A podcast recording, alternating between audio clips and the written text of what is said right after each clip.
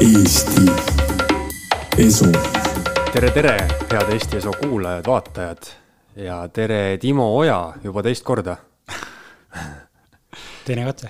ühesõnaga, kas magamist on võimalik õppida, sellest me hakkamegi täna rääkima. iseenesest tundub, et nagu oskaksin, aga kõigile kuulajatele, vaatajatele võib öelda, et meil tuleb väga hea kontsentreeritud saade, sest eh, tegijatel juhtub ja tehniliselt eh, juhtus nii, et esimene kord läks meil aia taha. ühesõnaga räägime teist korda täna. Timo, suur tänu, et sa kohale tulid, pidin tegema sulle selle piinliku kõne, et eh, kuule, tehnilised probleemid ja võtan kogu süü enda peale. ikka juhtub ja hullu. et jah, teist korda nagu rääkisime, mul eh, Inga Lungega juhtus ka kunagi ja nüüd siis sina oled järjekorras teine, et siis tuleb parem saade, nüüd on Lux Expressis ka nüüd. no näed, no näed. Räägime siis eh, unest ja nagu rääkisime ka esimesel korral, siis see on selline, iga öö me seda teeme, kolmandik elust öö, oleme pikali maas nii-öelda, magame, on ju. et tundub selline asi, mis on niivõrd loomulik, et seda õppida või ka õpetada. tundub, on ju noh, et mis siin õppida või mis siin õpetada. aga sinu sihuke ametitiitel on siis une coach mm. -hmm. et räägi veits, kes sa oled ja, ja mida teeb une coach? äh,. jah, une coach'iks ma õppisin äh, sellepärast, et äh, ma nägin, et, et väga ei räägita unest, räägitakse pinnapealsest.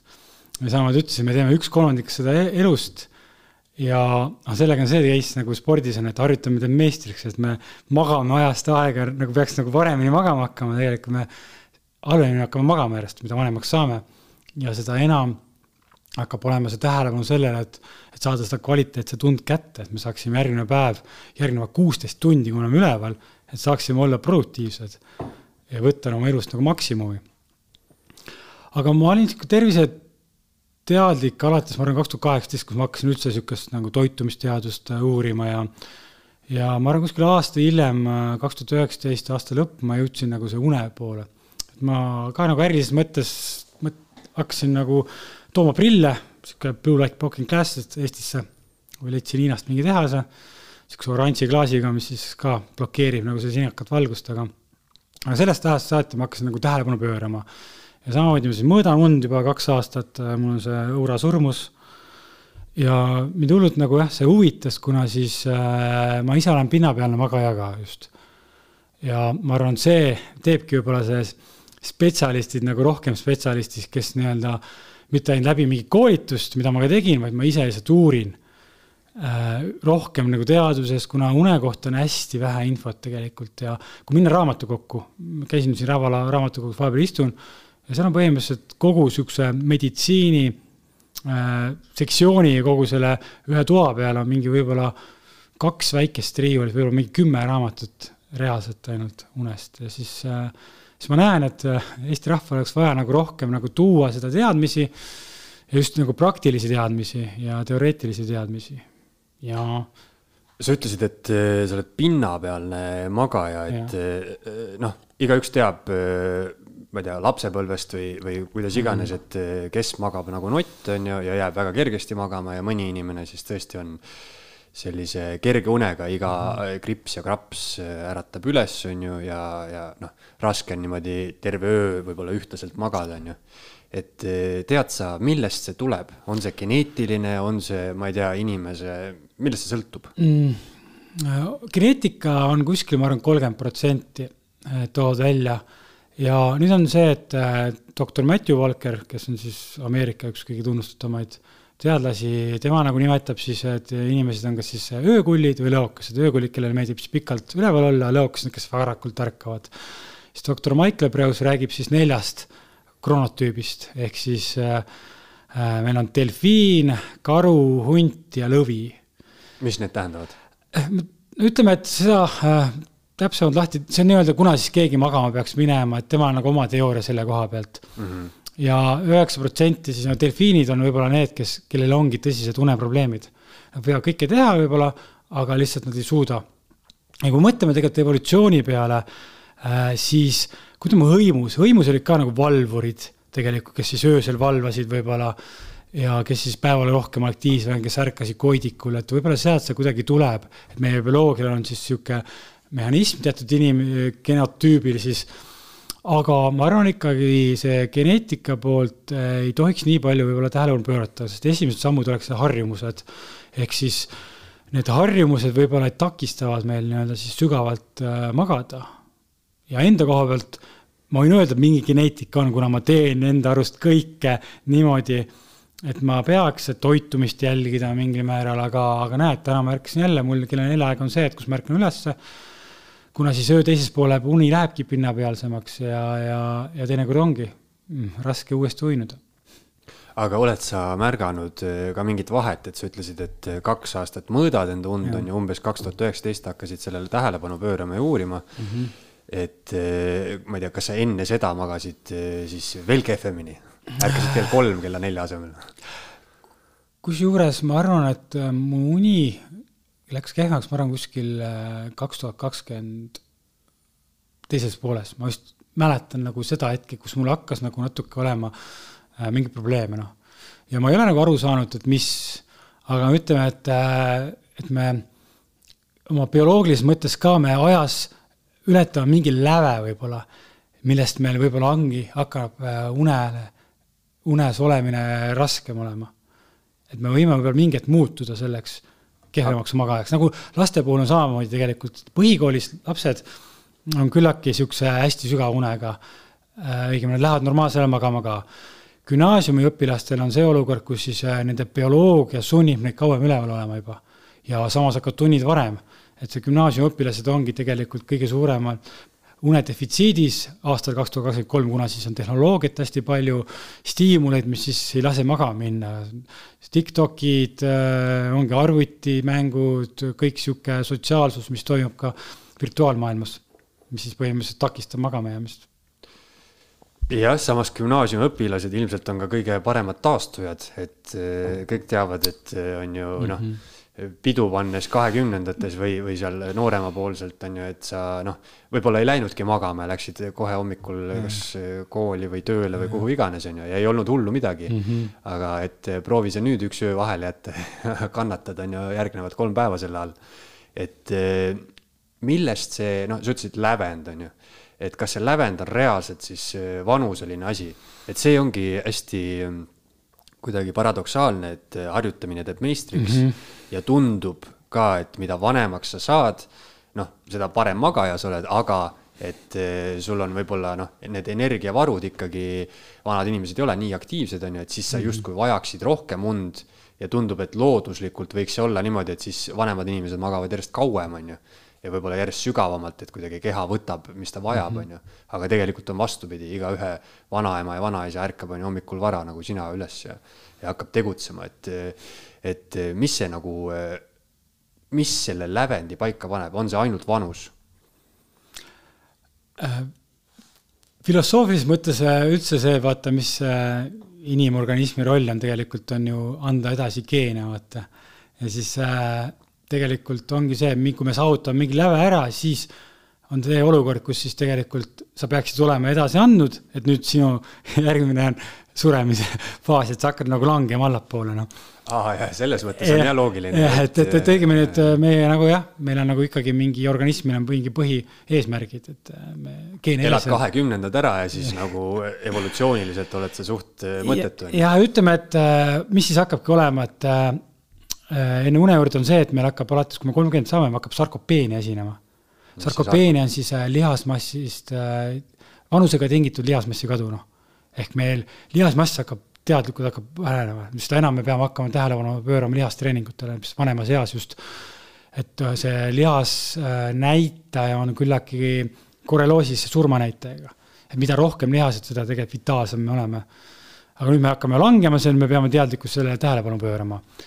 Siis äh, on kaks olulist äh, hormooni, on siis melatoniin ja kasvuhormoon, ehk siis noortel melatoniini toodetakse mõnusalt palju, noh, et nad võivad ära kustuda, magada hästi sügavalt, vaata, et kanta õla peale umbes. et mida vanemaks saame, siis meie keha hakkab vähem tootma. et selle tootmine hakkab siis kuskil seal AK uudiste ajal, et äh, spordiuudisteks on sihuke oo, haigutus peale, et võiks nüüd magama minna. et me siis nii-öelda seda toetaks ka päikse järgi, ehk siis me oleme hästi palju seotud ka nagu selle päikserütmi järgi, mille järgi siis organism toodab. ja, ja teine hormoon, mida siis toodetakse esimese unetsükli ajal, üheksakümne minuti jooksul kasvuhormooni, mis annabki tegelikult sellesama kõige suurema doosi taastumisel, ehk siis sa nimetasid, et kahekümnendas võisid põletada kõike, sa võisid äh, pidu panna ja hommikul olla hästi efektiivne, siis see kasvuhormooni doos sellel ajal ongi hästi kõrge. ja kui me jõuame kolmekümnendatesse, kõik teavad seda, kus siis äh, need pohmakad on järjest hullemad, äh, väga raske nii-öelda siis järgmisel päeval nii-öelda vaimselt ja füüsiliselt võib-olla töötada. ja see on üks põhjus, et, et, siis iga alates siis äh, kakskümmend, kolmekümnendaks eluaastaks siis langeb see kuskil viisteist protsenti kasvuhormooni tootmist, ehk meil nii-öelda see vitaalsus hakkab nagu langema taastumisele ka, et õigemini see taastumine muutub eriti kriitiliseks nüüd vanemas eas, kus me peaksime hakkama tähelepanu suunama selle une kvaliteedile, regulaarsusele, et kõigile sellistele asjadele. ja, ja see ongi oluline täpselt, et see see nii-öelda selle, ma nimetan seda kasvuhormooniga supermaniks ja siis melatoniini kui Batmaniks ehk pimeduse rüütel. et seda toodetakse ainult pimeduses ja siis ongi, kui filmi peale mõelda või multike peale, siis toimub niisugune pahalastega võitlus alati õhtuti nagu seal pimeduses seal Gotham City's. ja Superman on siis niisugune tulnukas teiselt planeedilt põhimõtteliselt, kes siis on inimrassiga segunenud, aga tal on põhimõtteliselt ebainimlik võim, ta oskab lennata. et ongi nagu teeb kõike hästi tugevalt, äh, tugevaks meid nii-öelda kehas, siis aitab luid kasvatada, lihast kasvatada, kõike seda nagu. aga nüüd, kui me siis täpselt äh, ei jälgi neid asju, võib-olla me ei tea, näiteks alkohol surub seda kasvuhormooni alla, kõrge veresuhkur, et me siis me tegelikult tekibki sihuke olukord, me võime siis pikalt magada, aga me ei taastu ära lihtsalt ja me otsime põhjuseid kuskilt mujalt võib-olla. see on see vana hea pohmaka uni, on ju, et ja. magad küll tohutu kaua, on ju, aga ärkad üles, ikka on sitt olla. jah, see on sama hea, kui sa ei joo ja sa ei töö otsa magama, sul on hommikul sama tunne, nagu sul oleks alkoholiga mm. teinekord. et sama tunne, et nii-öelda pohmakas on lihtsalt on ülemal olemisest, et, et. on tõesti, jah.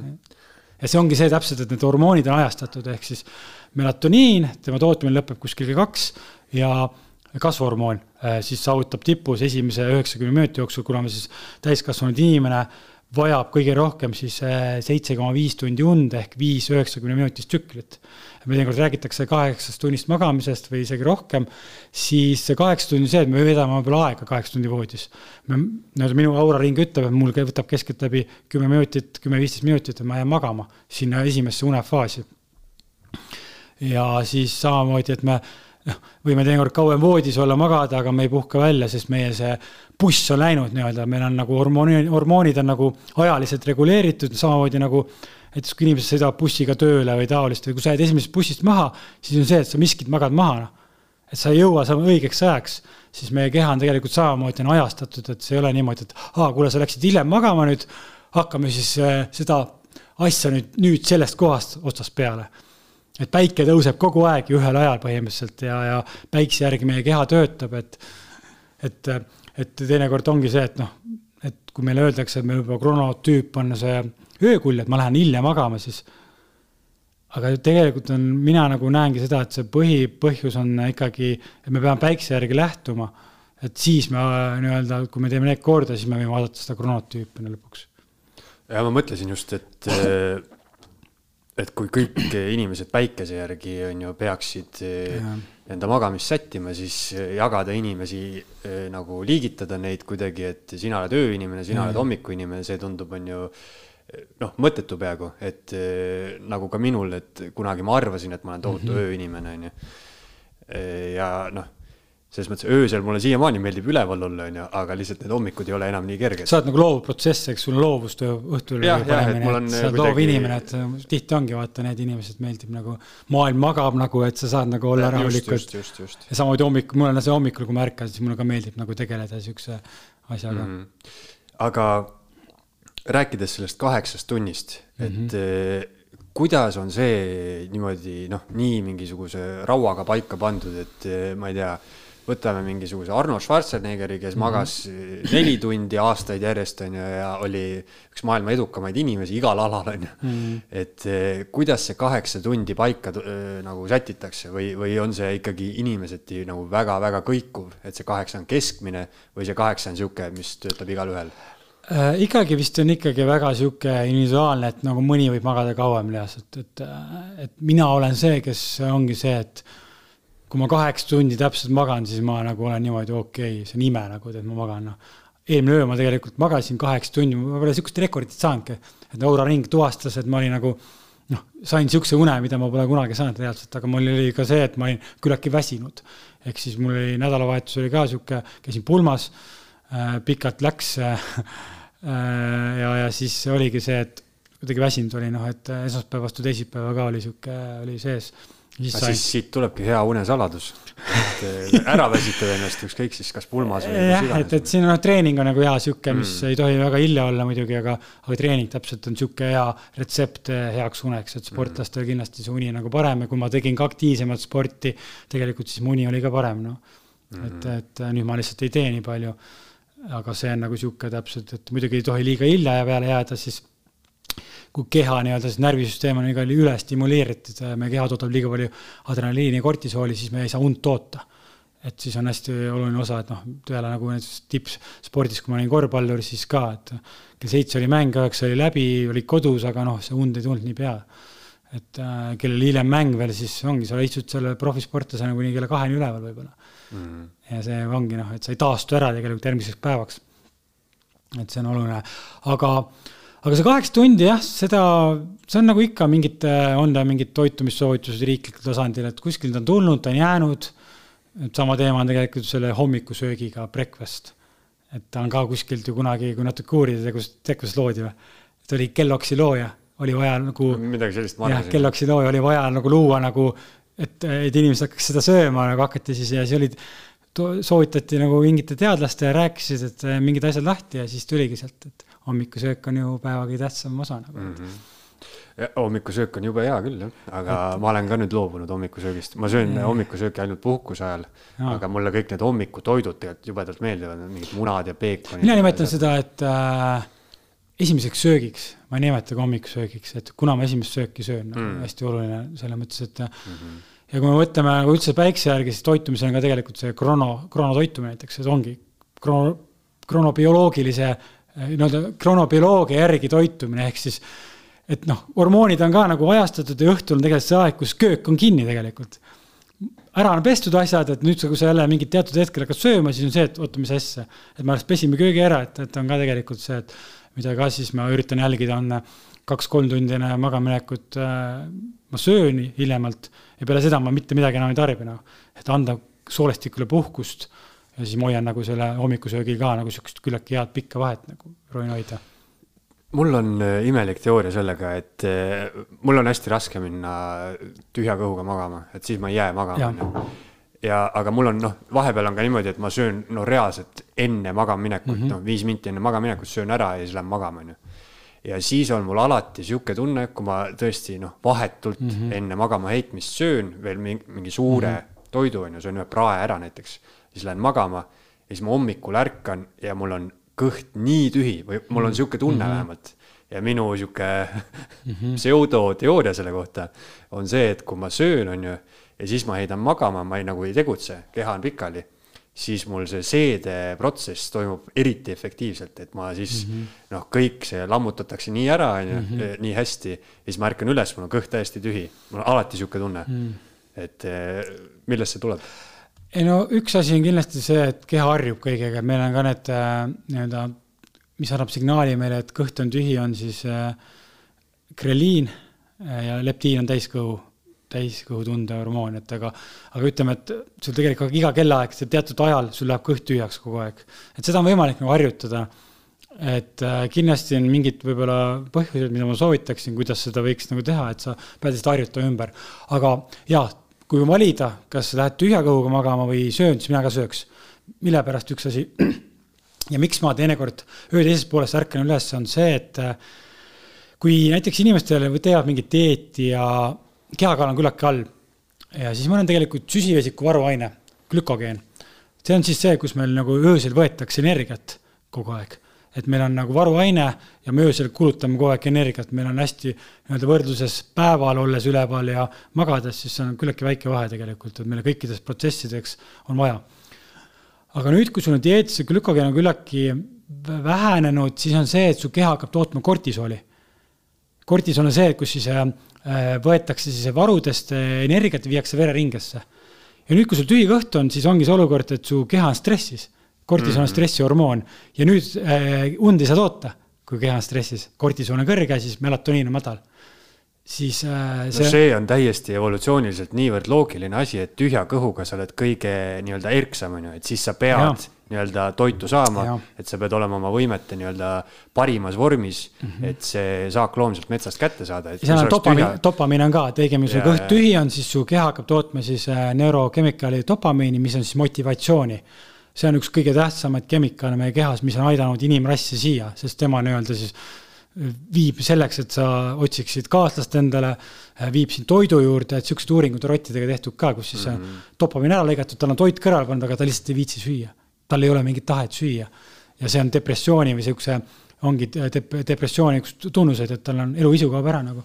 ja see on sellepärast, et keha ei tooda dopamiini et see on hästi loogiline, et eh, kui me tühja kõhuga muutuksime nii-öelda noh, natuke võib mõelda või noh, inimesed tihtipeale räägivad, et aa, mm -hmm. ma olen nii, et mul ei ole energiat, ma mm -hmm. olen söömata tükk aega, on ju. et noh, tegelikult see on niimoodi, et kui sa tühja kõhuga järjest nii-öelda laisemaks ja energiatase järjest mm -hmm. niimoodi alla läheks, siis sa lõpuks lihtsalt viskaksid magama sureksid ära, on ju. Mhm. seal on ka, miks teinekord energia kaob ära, on see, et meie ainevahetuse paindlikkus ehk äh, me oleme siis äh, hübriidauto põhimõtteliselt keha, et meil on võimalik põletada siis äh, süsivesikuvaru ja rasvavaru. ja mõnel inimeselt äh, nagu minu keha on paindlik, see tähendab, ma võin söömatu olla, mu keha rahulikult põletab rasvavarusid ka. ja minu stressihormoon on natuke madalam, kui ta on tavapäraselt, aga inimene, kellel ei ole nagu paindlikkust tekkinud, ongi see, kus siis tekib see räme nälg nagu isu ja sa ei suuda muu peale mõelda nagu. ja sa oled hoopis vaimselt ka hoopis äh, sihuke halvem inimene nagu Mm -hmm. et, et seal... sellega on täpselt see, et eh, ma arvan, et päris paljud inimesed on seda tundnud, et on tohutu nälg, on ju, ja noh, ma ei tea, kas sa oled bussis või sa lihtsalt ja. ei saa süüa, on ju. aga see nälg tegelikult ei ole selline ülesmäge kasvav, et sa elad mingi aja üle, mingi pool tundi on sul, sööks mida iganes, mhm. on ju. aga siis see näljatunne kuidagi kaob ära ja, ja siis, siis võib-olla tekibki see, see vahetus. täpselt seda ma ütlesin, vaata, et sul on see hommikul ärkad üles, sul on greliin, greliini toodetakse ajaliselt ka põhimõtteliselt. see on ka bioloogiliselt, aga teinekord ongi, sul on kiire, läheb üle ja siis kaob ära see tunne, vaata. eriti võib-olla naiste puhul, kes, kes on mehed, võib-olla mina nagu olen sihuke hullult jälginud, kuna ma söön, aga ma kuulen siin ümberkonna ikka, et oh, unustasin süüa nagu. Et nad unustavad ära ja see ongi, greliini tase langeb jälle, et oota, nüüd sa pidid sööma, aga sa ei söönud, okei okay,, siis tõmbame alla jälle mm. ja ootame järgmise korrani siis, kuna see õige aeg, kuna sa tavaliselt sööd nagu. et üks asi on see, et selle kellaga nagu ongi võimalik nii-öelda siis mängida, et sa hakkad natuke nihutama seda, kui sa tahad nagu kuhugi oma seda sööki siis äh, kaugemale nihutada, näiteks hommikusööki noh mm., et. tulles tagasi selle bussist mahajäämise peale, mingisugust stamplauset ma olen juba väga ammu aastaid tagasi kuulnud, et jätad ühe öö vahele, kümme ööd taastud sellest mm.. kui ma üks öö ei maga, siis kui kaua läheb aega, et mu keha taastuks mm.? seda on raske öelda, see on individuaalne jälle, nagu, nagu mm., aga sellepärast, aga enda näitel praegu mul oligi, et mul käisin äh, laupäeva pulmas, ma sain see päev vist Äh, kell neli-viis magama vist, ma olin küllaltki magamata ja, ja siis pühapäev vastu esmaspäev oli magusuni, teisipäev ka vastu kolmapäev oli ka sihuke noh, et ütleme, et kaks-kolm päeva, aga ma terve ööd ma ei tea. aga seda nagu ma, ma ei oskagi öelda, et ma ei oska seda vastata mm, -hmm. ma arvan, et äh, see on nii individuaalne jälle nagu, et kellel see organism on sellises faasis, kes kasutab seda regulaarset magamaminekut, kuna sa magama lähed, et see efekt on nii erinev, mis sa järgnevalt teed, siis nagu et kui sul on alatuneharjumused, siis sa taastud sellest äh, väga kaua, kaua nagu mitu päeva ära, aga kellel on see regulaarsus, ta teab umbes, kuna need hormoonid toodetakse, ta läheb hiljemalt mingi kell, ütleme kell üksteist magama, siis tal on see, et see buss tuleb õigel ajal kogu aeg, et ta kiireb taastumine ära mm -hmm. järgmisteks päevadeks. okei okay,, aga võtame siis selle ette, et mis on see magamine ja kuidas seda paremini teha. igaüks teab, et viska pikali, pane silmad kinni, jää magama. aga Timo, ole hea, anna siis mingisuguseid trikke, kuidas enda une kvaliteeti parandada. või sa nimetasid seda unehügieeniks, eks. unehügieen mm. -hmm. et mis, mis on konkreetsed asjad, mida ma saan teha õhtul kodus või, või kuidas ma saan paremini magada ähm,? et kindlasti, kui ma toitumisest rääkisin, siis mina nagu olen tähele pannud väga palju sellest, et väga palju oleneb minu une kvaliteet kvaliteedist toitumise tõttu nagu. et õigemini ma üritan jälgida, mida ma söön, kuna ma söön.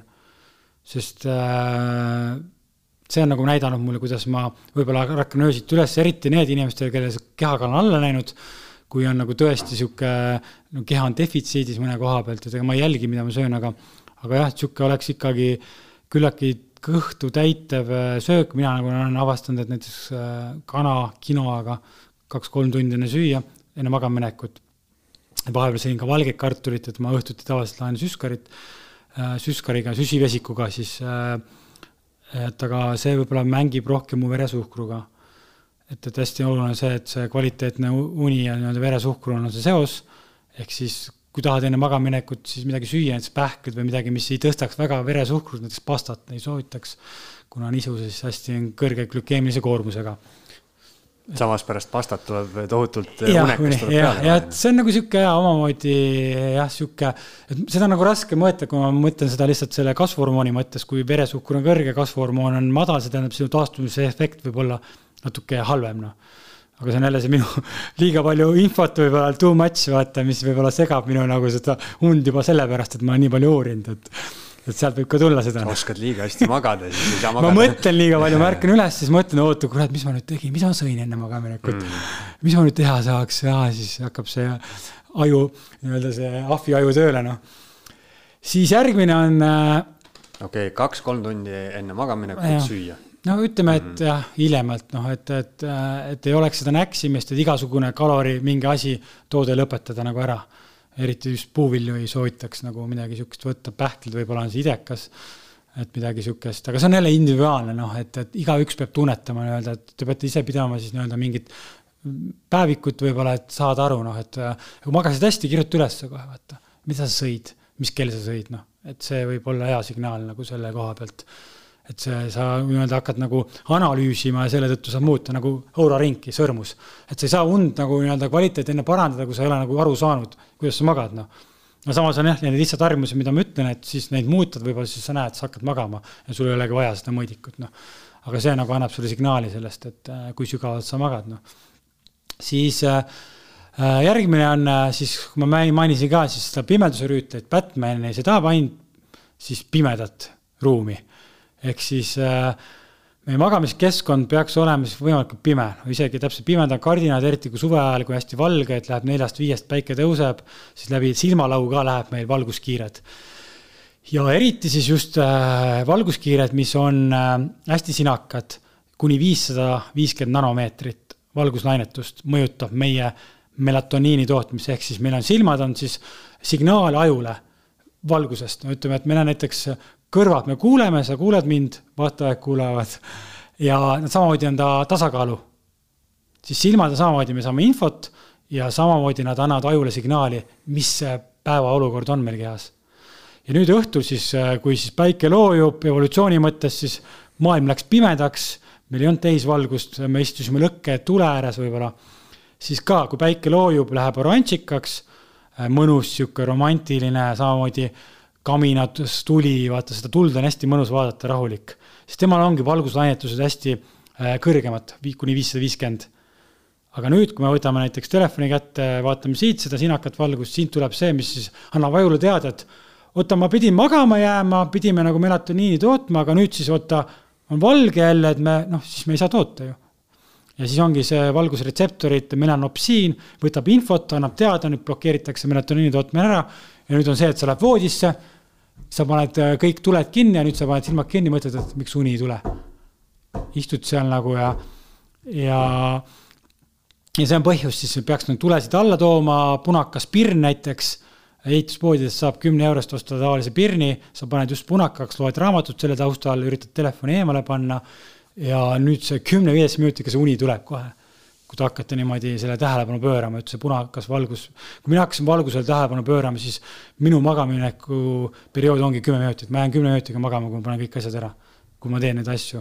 aga nüüd, kui sa täpselt oled, und ei tule, see on põhjus, et keha ei tooda siis melatoniini, sest melatoniini roll, äh, üks roll on temal hästi palju siis nii-öelda meie immuunsus igasugune, tapab avasid radikaale, kõiki halbasid nii-öelda, nagu, nagu Batman teeb, noh kõiki halbu tapab, et äh, ta on ka nagu siis äh, meie kehas, aga teine roll on siis ta, kujuta ette saja meetri sprinti, on jooksjad ja siis on stardikohtunik, siis melatoniin on stardikohtunik magama jäämisel. aga nüüd on probleem täpselt, et inimestel, nad ei jää magama, miks? ostame melatoniini, aga ega põhjus see, ta võtab telefoni enne magama minekut. et jätaksid selle ära, siis sa ei peaks melatoniini võtma, sest äh, igasugune sünteetiline äh, ravim hormoon on see põhjus, mis tekitab äh, negatiivse tagasiside meie kehas, ehk siis keha hakkab vähem tootma melatoniini ja nüüd sealt ära tulla äh, melatoniini pealt on üks väga-väga raske jälle omakorda, et su keha peab siis harjuma sellega, et kuule, et enam ei tule seda peale, et hakkame siis äh, tootma ise jälle seda ma olen kuulnud ka, et mm. üks rängemaid sõltuvusi on mm. näiteks unetabletid, et mm. kui inimene neid võtma hakkab, on ju, iga mm -hmm. õhtu on harjunud võib-olla võtma väikse ja nendega magab, siis äh, ilma nendeta üldse enam ei saa. aga okei okay,, valgus maha, äh, söök, mis veel? no temperatuur on kindlasti, mis ei lase magada, ehk siis äh, suvel tead, praegune läks, ilm läks suht kehvaks äh,, mõnus sihuke, ei ole probleem, aga kui siin kolmkümmend kraadi kuuma, magamist juba palav äh,, siis, siis on ka, sa ei saa magada, sa ärkad üles, väga raske on, et see äh, õhtupoole ka siis äh, meie temperatuur, kehatemperatuur hakkab langema, see on jälle märk organismile hakata tootma nüüd jälle seda melatoniini ja muid asju. et see meie keha ka nagu nii-öelda kellaajaliselt sätib seda asju. ja nüüd siis on, äh, mina kasutan näiteks, et enne tund aega enne magamaminekut läheb kuuma duši alla. see tekitab sellise olukorra, kus siis algul kehatemperatuur tõuseb aga nüüd ta siis hakkab nagu alla tooma seda ja nüüd ta läheb sinna natuke nagu allapoole isegi nüüd on see olukord, kus on hea mõnus magama minna. et sa tead küll seda, et näiteks saunas käik näiteks õhtul kell kuus-seits, eh, kuus-seitsme käid saunas ära nagu ja see õhtu tuleb nii mõnus uni, et ma mäletan, kui ma lapsepõlves mul ei olnud nagu Äh, sauna, aga pühapäeviti vanasti käidi kogu aeg, käisime külas, käisime saunas ja tema pani alati puhtalt linad ja enne kooli nagu see oli nii mõnus tunne nagu. aga ma mäletan, kui ma seal üheksa aeg sõitsin ära, siis ma juba autos magasin lihtsalt. et, et, et see saun on nagu täpselt see ideaalis ongi, käid trennis seal kuus-seitse näiteks, võtad sauna peale veel ja see nagu on, võimaldab seda, et sul tuleb päris hea uni. sööd ära seal mingi ütleme kell kaheksa ja kell üksteist on see täpselt ideaalne, hiljem jääd magama ja nüüd sa saad selle võib-olla super taastumise une kätte no tegelikult, et. sauna ja kuuma duši, see efekt on ka natukene selline, et võib-olla sihuke hästi lihtsa loogika vastu läheb, et ütleme, kui ma tahan enda kehatemperatuuri alla saada yeah., siis eh, lihtne loogika ütleks, et võta külma duši, et sa jahutad ennast maha mm.. aga tegelikult on vastupidi mm -hmm. siis jah. jah, et mõnele sobib ka see külm dušš, ma olen kuulnud, et mõni teeb enne magaminekut külma duši aga, aga jaa, selles mõttes toimub see efekt, et keha hakkab nüüd tööd tegema, et temperatuuri tõsta. Et äh, sauna on lihtsalt see, et see on intensiivsem, noh, külm dušš või kuum dušš on hästi lühiajaline. et ta ei tekita nii suurt efekti, aga mulle nagu tunnen, et see õhtul see kogu nagu päeva maha pesemine, see kuum dušš, lähen pimedas, mulle meeldib pimedas käia just kuuma duši all, kuna siis siis on kõik mõtted nagu välja lülitatud, kui silmad lahti, siis on kogu aeg see, et me noh, mõtleme millelegi võib-olla nagu niisugusele välisele aga mulle meeldib nagu õhtuti kuuma duši alla minna ja seal nagu natuke viis minutit nagu liguneda. Et see nagu niisugune mõnus efekt, kui ma tulen sealt välja, siis ma tunnen, kuidas juba, et ma olen selleks ajaks nagu toa nagu üritanud natuke pimedamaks ka teha.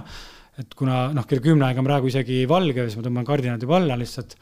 ja siis on ka, et hakkan nagu kehale looma seda olukorda, et, et selgitada, et nüüd on pimedus, et nüüd hakkame siis natuke selle protsessi peale, läheme selle uneprotsessi nagu üle nüüd mm. -hmm see pimedus, ma ütleks, et eh, ma ise olen ka mitu aastat juba kasutanud ja. neid eh, magamisprille, onju, paned pähe ja, ja kott pime kohe. Et see on kuidagi, no mulle jubedalt meeldib, et, et see ongi kuidagi hästi mugav ka, et et natuke alguses võtab see harjumiseks aega, et sa magad, kui sul on midagi peas, aga noh, nüüd ma enam ei pane tähelegi, onju.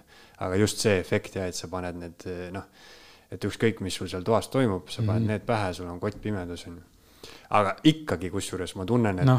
kui, kui ma panen need uneprillid pähe ja tuba on ka pime, siis ikkagi tundub, et kuidagi parem on uni et kui sa magad mm. nagu täiesti valguse käes on ju uneprillidega, siis ikkagi ma ei tea, kas läbi keha imb.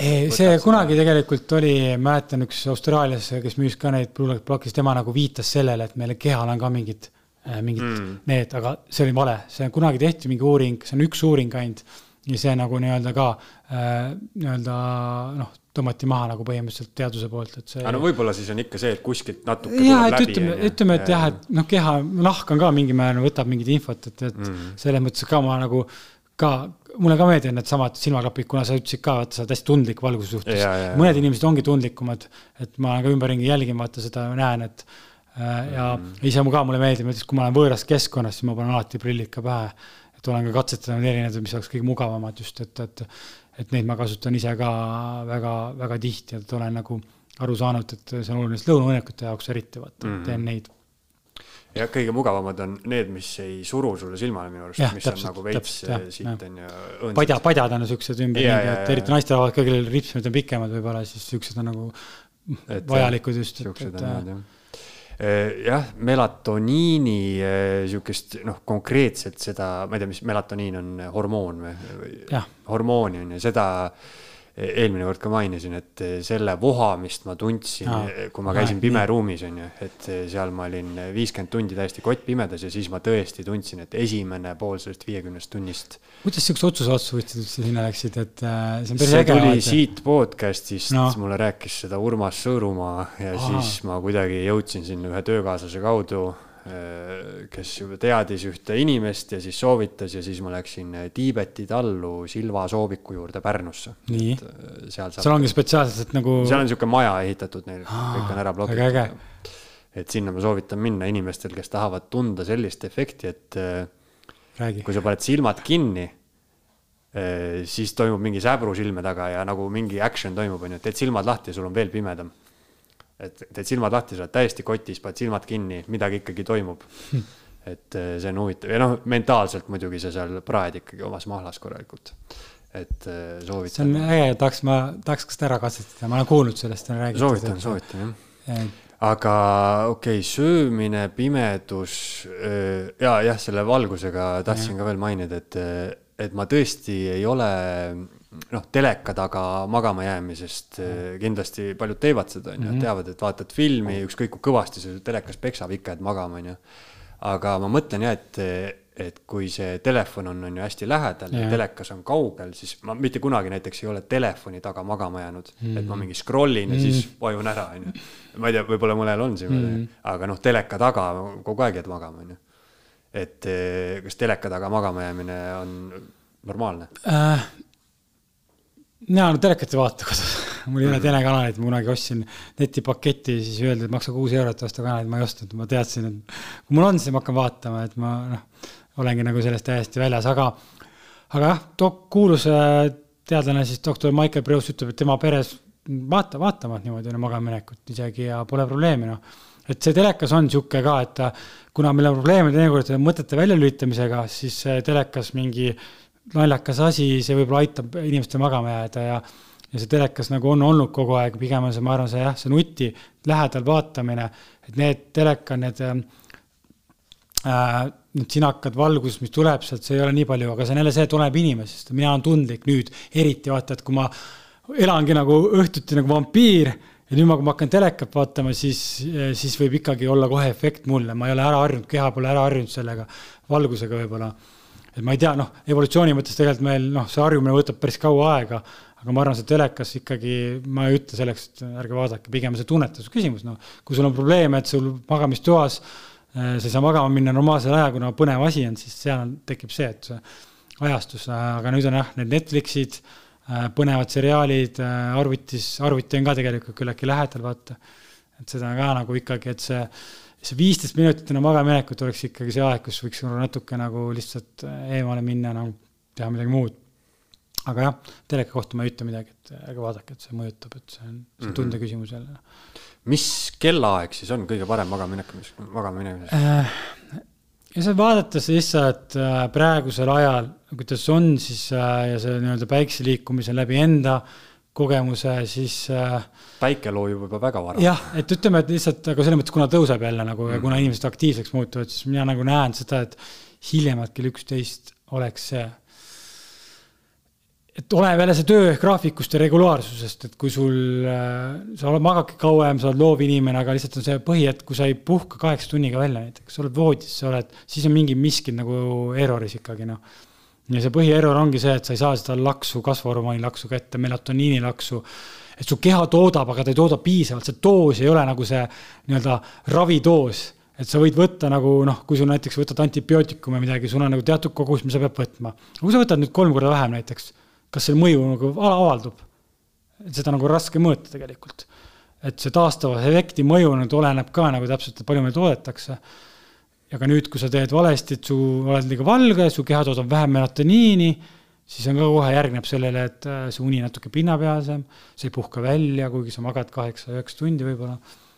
Et, et aga ma näen, et üksteist, kuna siis tavapäraselt inimesed tõusevad seal peale kuute natuke noh, et, et aga see on jälle, mõnel, no muidugi jah, praegu on see, et äh, noorte, noored emad, noh, nemad on kõige rohkem sihuke, et sa räägid siin kell üksteist, ma pean nagu öösiti üles ärkama, vaata seal, seal ongi need, need võib-olla lahendused, mis me võime nagu pärast rääkida nüüd, et, et mida siis teha, uinakud vaata, päeval, mida nagu selleks teha, kui sa oled nagu kehvasti maganud mm. -hmm. aga mina nagu ütlen jah, et see, soovitan, kell üksteist ma näen, et see et ma isegi proovin natuke varemaks tuua, ma tunnen, et see võib-olla nagu aitaks võib-olla isegi ka, kuna ma olen varem ärkaja, et siis meil on ka see, et vaata teinekord sa võid hiljem magama minna, ikka ärkad samal ajal, mõnel inimesel võib see olla, noh, et siis see ongi, su keha on harjunud selle ärkama, kuna päikse järgi võib-olla ta päev, tuba on küllaltki valge, vaata siis ka ju keha juba ärkab, noh. Mm -hmm.. et see on nagu jälle individuaalne. Kui me eelmine kord rääkisime, siis eh, mul oli just selja taga oli eh, üks unetu öö, noh, põhimõtteliselt mm -hmm. täielik unetu öö on ju, nüüd ma olen jälle hästi maganud kogu aeg. Mm.. aga mida, kas on mõni trikk või asi, mida siis öelda inimesele, kes on nüüd kõike seda proovinud teha, ta heidab voodisse ja lihtsalt mm, -hmm. ma ei tea, on see ahv rattas või, või mõtted ei jää vait, und ei tule, mida ta tegema peaks, kas ta peaks ootama seal voodis? kas ta peaks mingeid lambaid lugema, mida ta tegema peaks? no esimene põhjus, kui ma, kui ma nägin sind ka sõid seda energiajooki siin, et et ja sa nagu ütlesid ka, et sa olid ükskord magamata, siis me nagu jõudsime minu arust selleni, et sa kofeiini tarbisid hästi palju. seda kohvi ma joon. täpselt ongi, et see kofeiin, mis see kofeiin tekitab, on see, et ta siis äh, blokeerib meie väsimustunde. et õigemini ta ei anna energiat, vaid ta kaaperdab meie nii-öelda retseptori kohad, mis on mõeldud siis adenosiini jaoks. adenosiin on siis unesurve tekitaja et meil on siis kaks bioloogilist mehhanismi, on siis see melatoniin, mis ajab meid magama ja siis on see, mis meil nagu äh, täieneb kogu aeg, klaas hakkab täituma, ütleme niimoodi, hommikul sa ärkad, see klaas on täiesti tühi nii-öelda, unesurve on täiesti tühi mm. -hmm. ja nüüd ka järjest tund tunni haaval hakkab see klaas täituma ja nüüd siis see surub sind magama, noh. ja kofeiin on, võimaldab siis äh, blokeerida need kohad niimoodi, et see unesurve efekt kaob ära. ja nüüd on see, tänu sellele siis meil ongi see olukord, kus me saame siis hommikul, me võib-olla oleme seal nõiaringis sees me ei puhka välja, me läheme hilja magama, sa oled hommikul väsinud, võtad kofeiini, sa peletad sellega väsimuse ära, aga sa ei lahenda seda probleemi ära. ja nüüd siis on see olukord, et kui sa oled hull kohvitarbija ja õhtuti näiteks ongi, on sünnipäev, kohvi, kooki, täiesti tavaline asi, nüüd on olukord, sa lähed siis voodisse ja nüüd sa võidki olla üleval. Ja ma enda pealt tegelikult, kui ma rääkisin, ma käisin pulmas, ma hakkasin üksteist haigutama, noh, minu aeg oli jõudnud kogu aeg sai süüa, kõht mõnus sihuke, siis ma võtsin kohe, hotellitoas oli jäetud siis äh, Red Bullid, noh.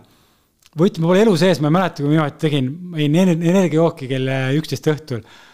ja siis oligi kella nelja-viie aeg, äh, ma pidin magama minema, et noh, mingi, mingi uni peaks olema selle ajal, siis ma tundsin, mul ei tule und peale, mis värk on. minu jaoks oli sihuke hästi huvitav äh, efekt, tavaliselt ma ikkagi suudan magama jääda, aga ma ei, ma ei suutnud kuidagi ja teinekord võib olla põhjus see täpselt, et me tarbime liiga palju kofeiini äh,. kofeiini eluiga võib olla kuskil seal kaheksa tundi. aga see nüüd oleneb ka sellest, et ma, küll ma tean inimesi, kes tarbivad võib-olla kaks-kolm tundi, nad magavad ilusti, noh. et see on väga individuaalne. aga on kaks geneetikatüüpi ka maksas ehk siis äh, geeni äh, põhimõtteliselt, et mis on kiire seedija ja aeglane seedija kiire seedijas ongi see, et annab sulle kasutegurit palju kiirelt läheb ära verest, annab seda produktiivsust, aga, aga aeglase seedil võib olla see ärevus võib tõusta, noh. eriti veel inimesed, kes on üleüldiselt ärevad rohkem, siis äh, kofeiin tõstab ka ju meile stresshormooni taset, kortisoli taset. et see tähendab, seda kortisol on kõrge, melatoniin on madal, noh. siis see kofeiin on võib-olla see põhjus, hakkame sellest peale, noh. küsimus? Äh, kofeiiniga on tõesti niimoodi, et äh, ma olen tundnud kuidagi või noh, tänu sellele vist, et mul on nagu läbi elu olnud, ei ole olnud unega probleeme, üldiselt mm. üsna sügavalt magan ja kergesti ja kaua ja jään ja, ja mis iganes, on ju et siis, siis ma tõesti seda kofeiini mõju võib-olla, kui ma just tohutult üle ei pane, siis ma tavaliselt ei tunne seda, et mm. et viimati, kui ma tundsin, oligi, kui ma jõin kaheksa tassi ja viimane tass oli kell kaksteist õhtul, et mm. siis ma tundsin, et no ei tule und, aga ikka mm. mingi tunni, tunni pärast tuli, onju mhm. Aga küsimus oli see, et, et ütleme, ütleme, et ma ei ole tarbinud yeah. kofeiini, on ju, või, või olen või mis iganes, ma olen seal voodis, mul ei tule seda und, et kas on mõni trikk, mis ma saaks teha? Äh, mina kasutan teinekord see, et ka, et äh, kui ei tule, siis ma isegi teen mingi lõõgastavaid äh, lihasharjutusi, ma rullin vahepeal lihaseid, siis niisugune vahtkummrull lihtsalt, lähed sinna peale nagu, kujuta ette taignarulle ja siis ma hakkan nagu lihaseid nagu seal nagu rullima, noh. siis sa oled ikkagi voodist väljas? ei, jah, ma tulen korraks välja võib-olla, et, et korraks, et lihtsalt lõõgastada keha, noh. teine võimalus on see, kui sa oled voodis, on hingamisharjutused ehk siis kuna siis sul on võib-olla mõte on nagu kuidagi stressi peale, õigemini su keha töötab kortisooli, on vaja see alla tuua, siis äh, teadlik hingamine on võimalus, kus me siis rahustame oma keha niimoodi, et meie diafragma siis tõuseb, äh, meie süda siis läheb väiksemaks, veri hakkab kiiremini nagu liikuma, see tähendab seda, et ajule signaal, et aa, tõmbame nüüd alla, me oleme nüüd sümpaatilises närvisüsteemis. ja on niisugused head hingamisharjutused nagu äh, kasti hingamine, box breathing inglise keeles, on siis niimoodi, et sa hingad neli sekundit sisse hoiad hinge kinni, neli sekundit hingad välja, hoiad hinge kinni ja siis äh, käid niimoodi ringi ratast. et sa viid nagu natuke ka siis selle hingamisega oma, oma mõtetest nii-öelda, mis siis mõtlevad selle välismaailma probleemide peale, rohkem nagu hingamisele siis ka keha suudab lõõgastuda nagu. see on see nagu närvisüsteemi lõõgastus on see üks võimalus. Äh, et see on nagu selle jaoks, kui valgus on korras, mõte nüüd on vaja välja lülitada mõte nagu ja teine on siis lihase lõõgastus, et see kuum dušš nagu aitab natuke lihastel lõõgastuda, aga samas siis ma kasutan ka vahepeal nagu muid lahendusi, kuna siis äh, natuke efektiivsustada ongi see, et siis nagu äh, venitused, asjad, mingid jooga on nagu see aitab ka kehal siis äh, tuua nagu seda lõõgastust mõtte väljalülitamine, ma arvan, igaüks teab ka sellist ja. asja, no seda ma olen eh, tihti tundnud, et kui on järgmine päev mõni tähtis asi ja. teha või noh, kasvõi pead eh, hommikul kell üheksa mm -hmm. tööl olema, onju. ja siis saad hästi hilja magama, siis see mõte hakkab töötama seal suunas, et, et kui palju ma magada saan, ütleme mm, -hmm. et ma ei tea, noh pead üheksa tööl olema, pead näiteks kell kaheksa ärkama mm. ja siis magama lähed kell kaks, on ju, lähed kell kaks voodisse, arvutad, ahah, kuus tundi saan magada, on ju, mm. und ei tule, kell on kolm, ahah, viis tundi saan magada, on ju. ja siis see mõte, see on nagu niisugune lumepalli efekt, on ju, et eh, mida vähem sa nii-öelda peas magada saad, seda raskem on sul magama jääda, on ju et see mõte, jah, kindlasti see hingamine on, ma ütleks, et suurem efekt võib-olla ei olegi füüsiline, vaid see, et sa mm. mentaalselt keskendud ainult sellele, sellele rütmile siis, nagu sa kirjeldasid. sest on veel kaks head, mida ma kasutan vahepeal, meil on Wim Hofi, ma teen kahte seeriat niimoodi. Wim Hofil on siis sihuke kolmkümmend sekundit hästi intensiivset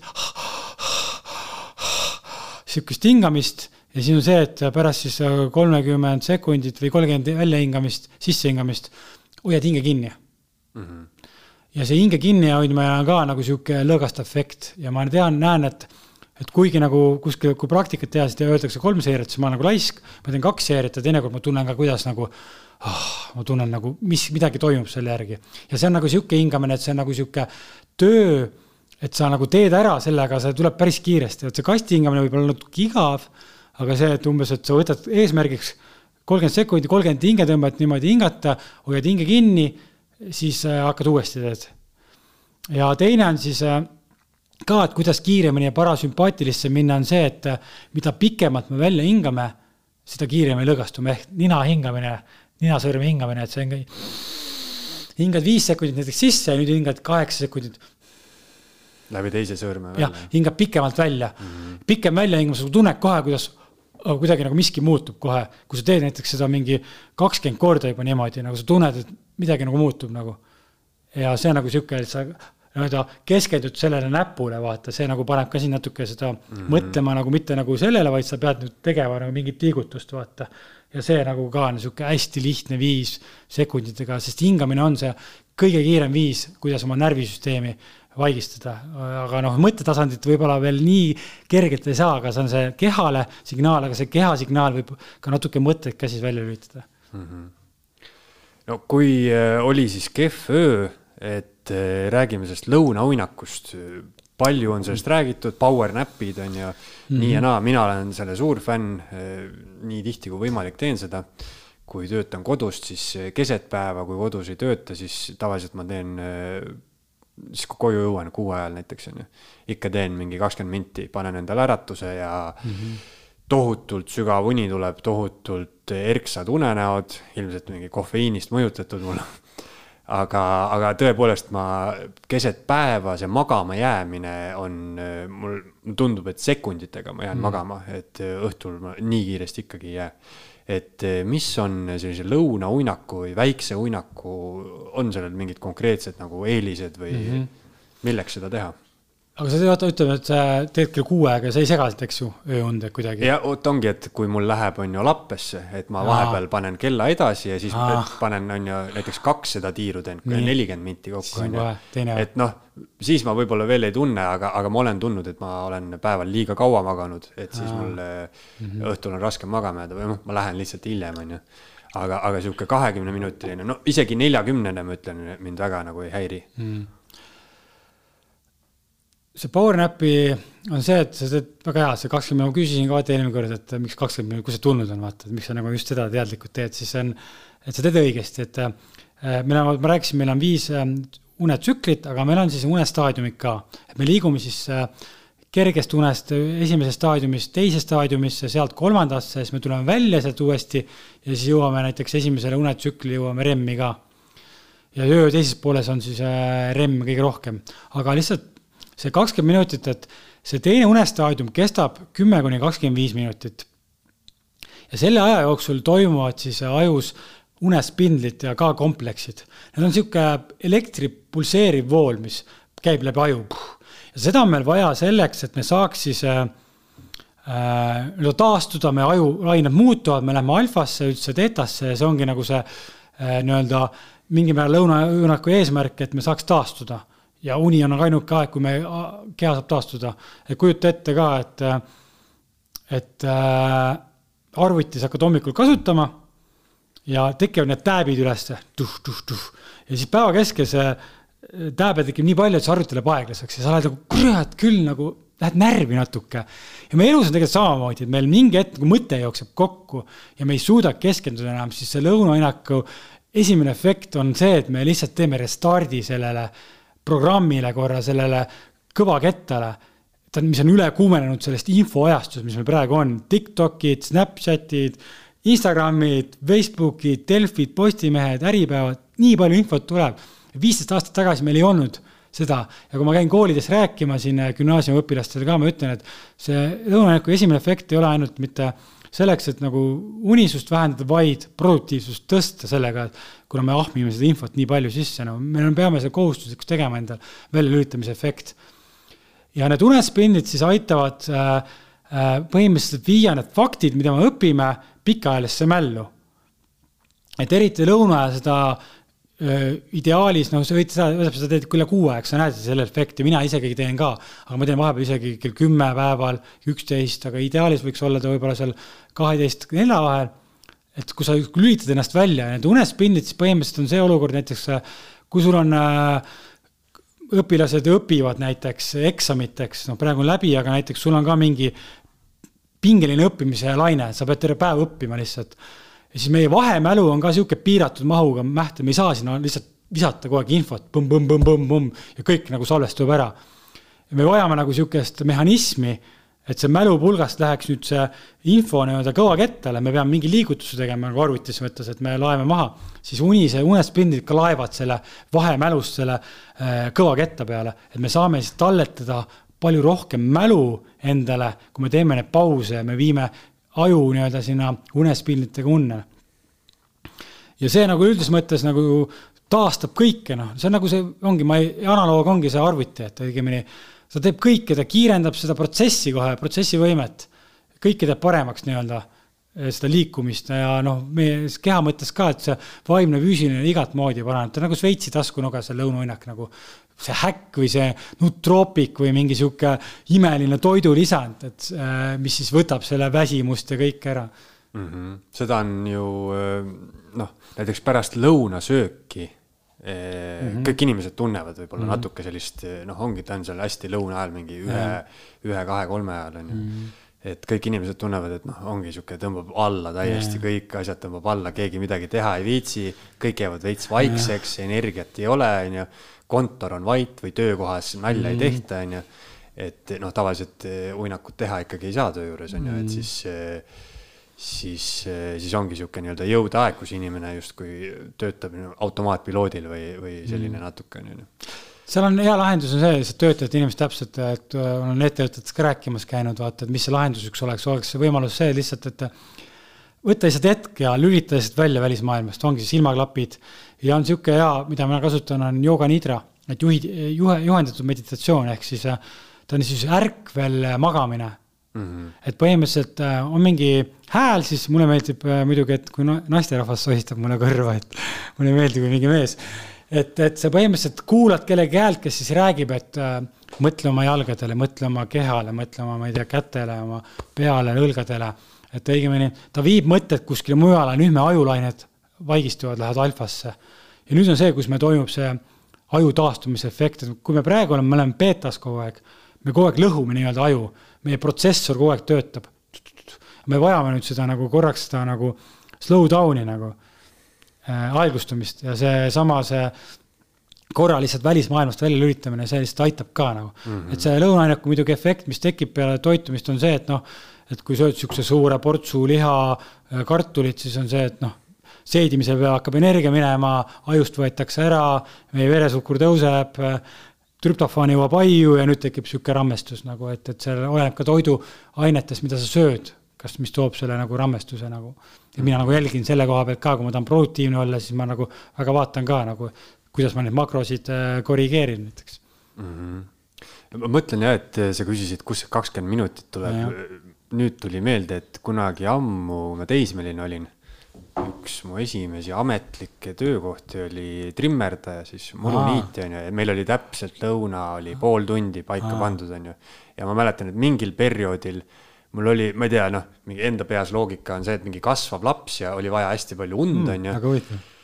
Ja siis oli mul tõesti, et ma isegi loobusin äh, sellest lõunasöögist, noh, kogu aeg võtsid muidu võileibu kaasa, onju aga ma reaalselt kogu see pool tundi ma magasin, ma mäletan mm. täpselt, mul oli pea oli eh, bensiinikanistri peal onju. ja noh, väljas oli töö loomulikult.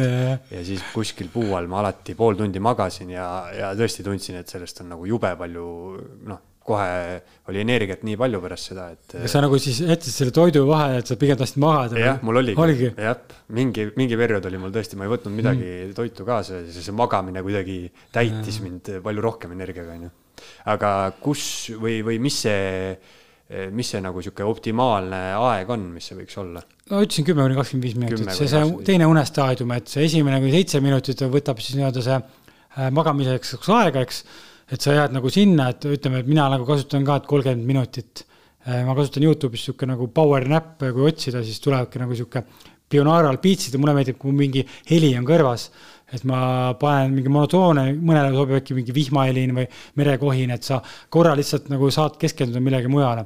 ja sellel hetkel ka ma nagu, see heli võib viia sind kuskile äh, mujale, õigemini, mida ma kuulan ka enne magamaminekut, sihukest äh, võib-olla vaigistavad, et ma suudan nagu mõelda selle õunaõnnaku või selle juures, et ma lähen kuhugi teise kohta et mis teinekord ka vaata, kui ma mõtlesin, mõtted on väga raske välja lülitada, siis mina kasutan ka selliseid aparaate kõrval, kuna olen pinnapealse unega, white noise'i. ja siis ma teinekord, mulle meeldib kuulata ka vihmasabinat. ja ma lähen alati selle vihmasabinaga oma lapsepõlve hetke.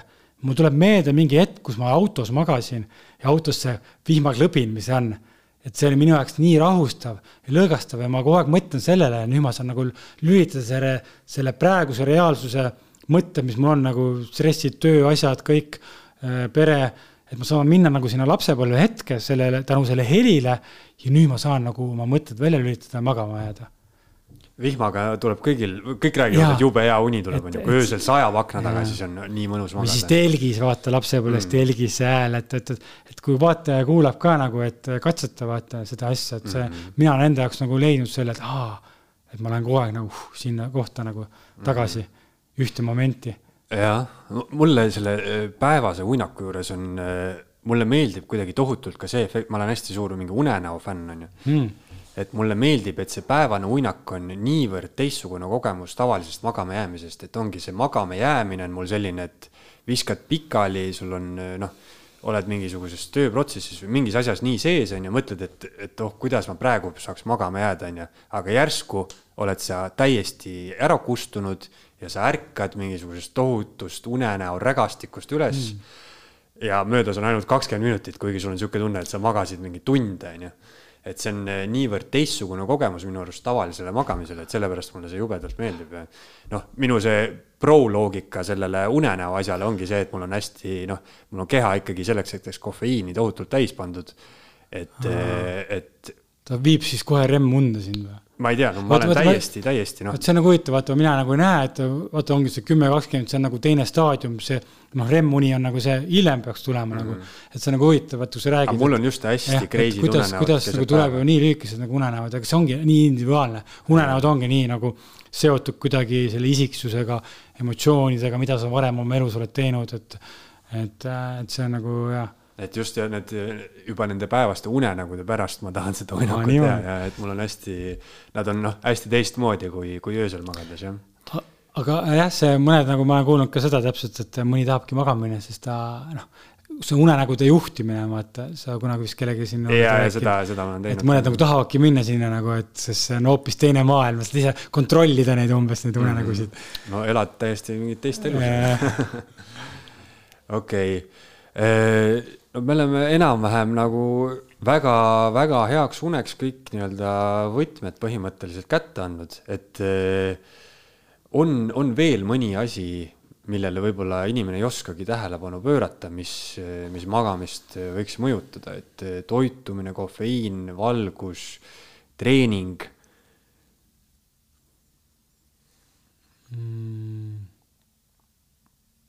praegu nagu ei tulegi kohe niimoodi, et mm. -hmm. no Need enamus on, need on need põhikohad nagu ikkagi, et see stress noh ka, et täpselt Mhm. see, kuidas seda stressi alla saada, noh et see ah,, äh, kui me nagu stressis ka korra, siis mina ka nagu, vaata see mõtete lahti mõtestamine, vaata, kuna meie stress võib olla kahte moodi. stress võib olla see, kuhu me tahame minna, meil on mingi pinge peal, me tahame liikuda sinna, stress on see, kus meil on emotsionaalselt, vaata, keegi jättis maha või taolist, siis mina filosoofia, stoitism on minu jaoks nagu hästi sihuke äh,, aitab lahti mõtestada mingeid asju. ja see, kui sa mõtestad oma elus mingid asjad lahti, et mingid asjad juhtuvad sinuga, siis on sul kergem ka ja kui sul on kergem, sul on kergem magada ju, sest kui sa lahti mõtestad, siis see läheb ju, see on alateadvusega seotud, noh. et, et ja siis äh, alateadvuses toodab seda stressitaset kogu aeg ja mis ei lase sul magada, mis äratab sind öösiti ülesse ongi, kui sul on mingi pinge tähtis asi, et noh, et, et see lahti mõtestada, see on hea näide, et elevil ärevil. Need on sama kehareaktsioon, üks on positiivne, üks on negatiivne. et kui sa mõtled selle nagu mõtte positiivseks, siis su keha reageerib natuke teistmoodi sellele. et see on nagu see, mis, mis võib-olla tänapäeva ühiskonnas on üks äh, ka kindlasti raskemaid probleeme, kuna kuna on palju depressiooni, masendus, kogu see pandeemia tõmbas ärid alla, kõik magamata ööd, kõik tekitas siin, just ma nägin äh, olukorda, kus äh, Põhja-Tallinna laulja siin mainis, et tal häkiti nagu kõik elutöö ära, Youtube'i häkiti sisse umbes põhimõtteliselt äh, Põhja-Tallinna sinna ja kõik info on kadunud, vaata, ja ei saa magada, vaata, ja sihuke, et sihukest olukorda tuleb, aga nüüd on see, et kuidas sa nagu suudad nendel hetkedel, kuidas sa reageerid nendele hetkedele, noh. et see on see kõige raskem äh, olukord, millega nagu peab silmitsi seisma nagu elus, sest meil juhtub kogu aeg kõige raskem olukord on see, et su konto häkitakse ära tänapäeval. et üldse meie, meie läheduses hakkavad inimesed võib-olla surema mingi hetk nagu, et me, me peame nagu valmis olema igast sihukeste asjadega. et elu, elu juhtub nagu meie jaoks mingil määral ja, ja teinekord on asju nagu, mida meil ei ole võimalik kontrollida, nende, nende, nendele ei ole mõtet nagu keskenduda nii palju mm. Mhm. -hmm. et see on nagu no see, see on muidugi see, et, et ära mõtle sellele, see on hea nõuanne, aga seda on raske ei, mitte mõtle, sa mõtled lahti, sa mõtled sellele, aga sa mõtled seda Mhm. lahti selle positiivseks. et, et sa ei saa nagu, lah- et sa ei mõtle, ole positiivne, vaata, see on nagu see, et, et hingamine on see, kuidas sa saad nagu rahustada keha ja sa ei saa mõelda, et nagu rahune maha, noh. aga see teine see mõtete lahti, sest me paneme arvamusi igale asjale. me võime kahte, me võime kahekesi vaadata ühte sündmust ja me võime panna hoopis teise arvamuse sellele. Ja kui meil toimub arvamus, meil toimub reaktsioon kehas, emotsioon. emotsioon järgneb äh, arvamusele. ja nüüd on see, et see emotsioon ongi see hästi tähtis lõpuks, mis hakkab määrama selle une kvaliteeti, noh, tervist, no üldse, et emotsioon on kõrge, sa ei maga ja sa oled järgmised kuusteist tundi, oled täiesti nagu sihuke, et sa ei ole sina ise. et su elu kannatab sellest, et sa panid selle arvamuse sellele loole niimoodi, mis siis reageerib sinu kehale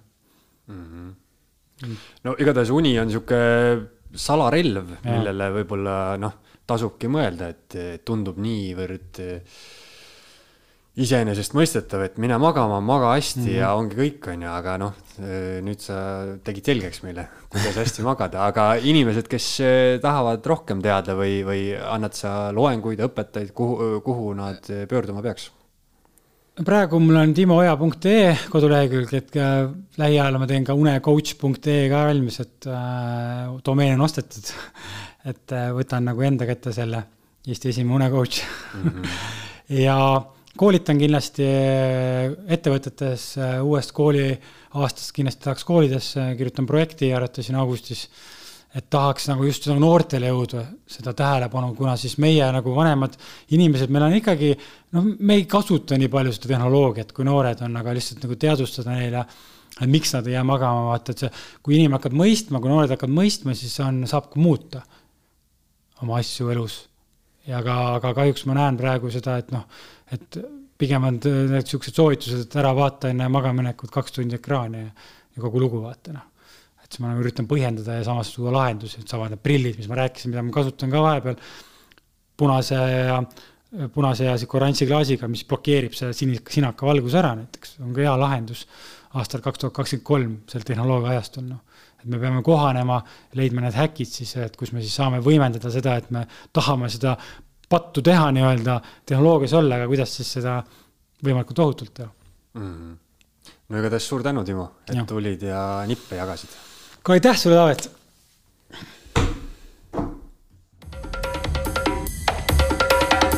Eesti Esu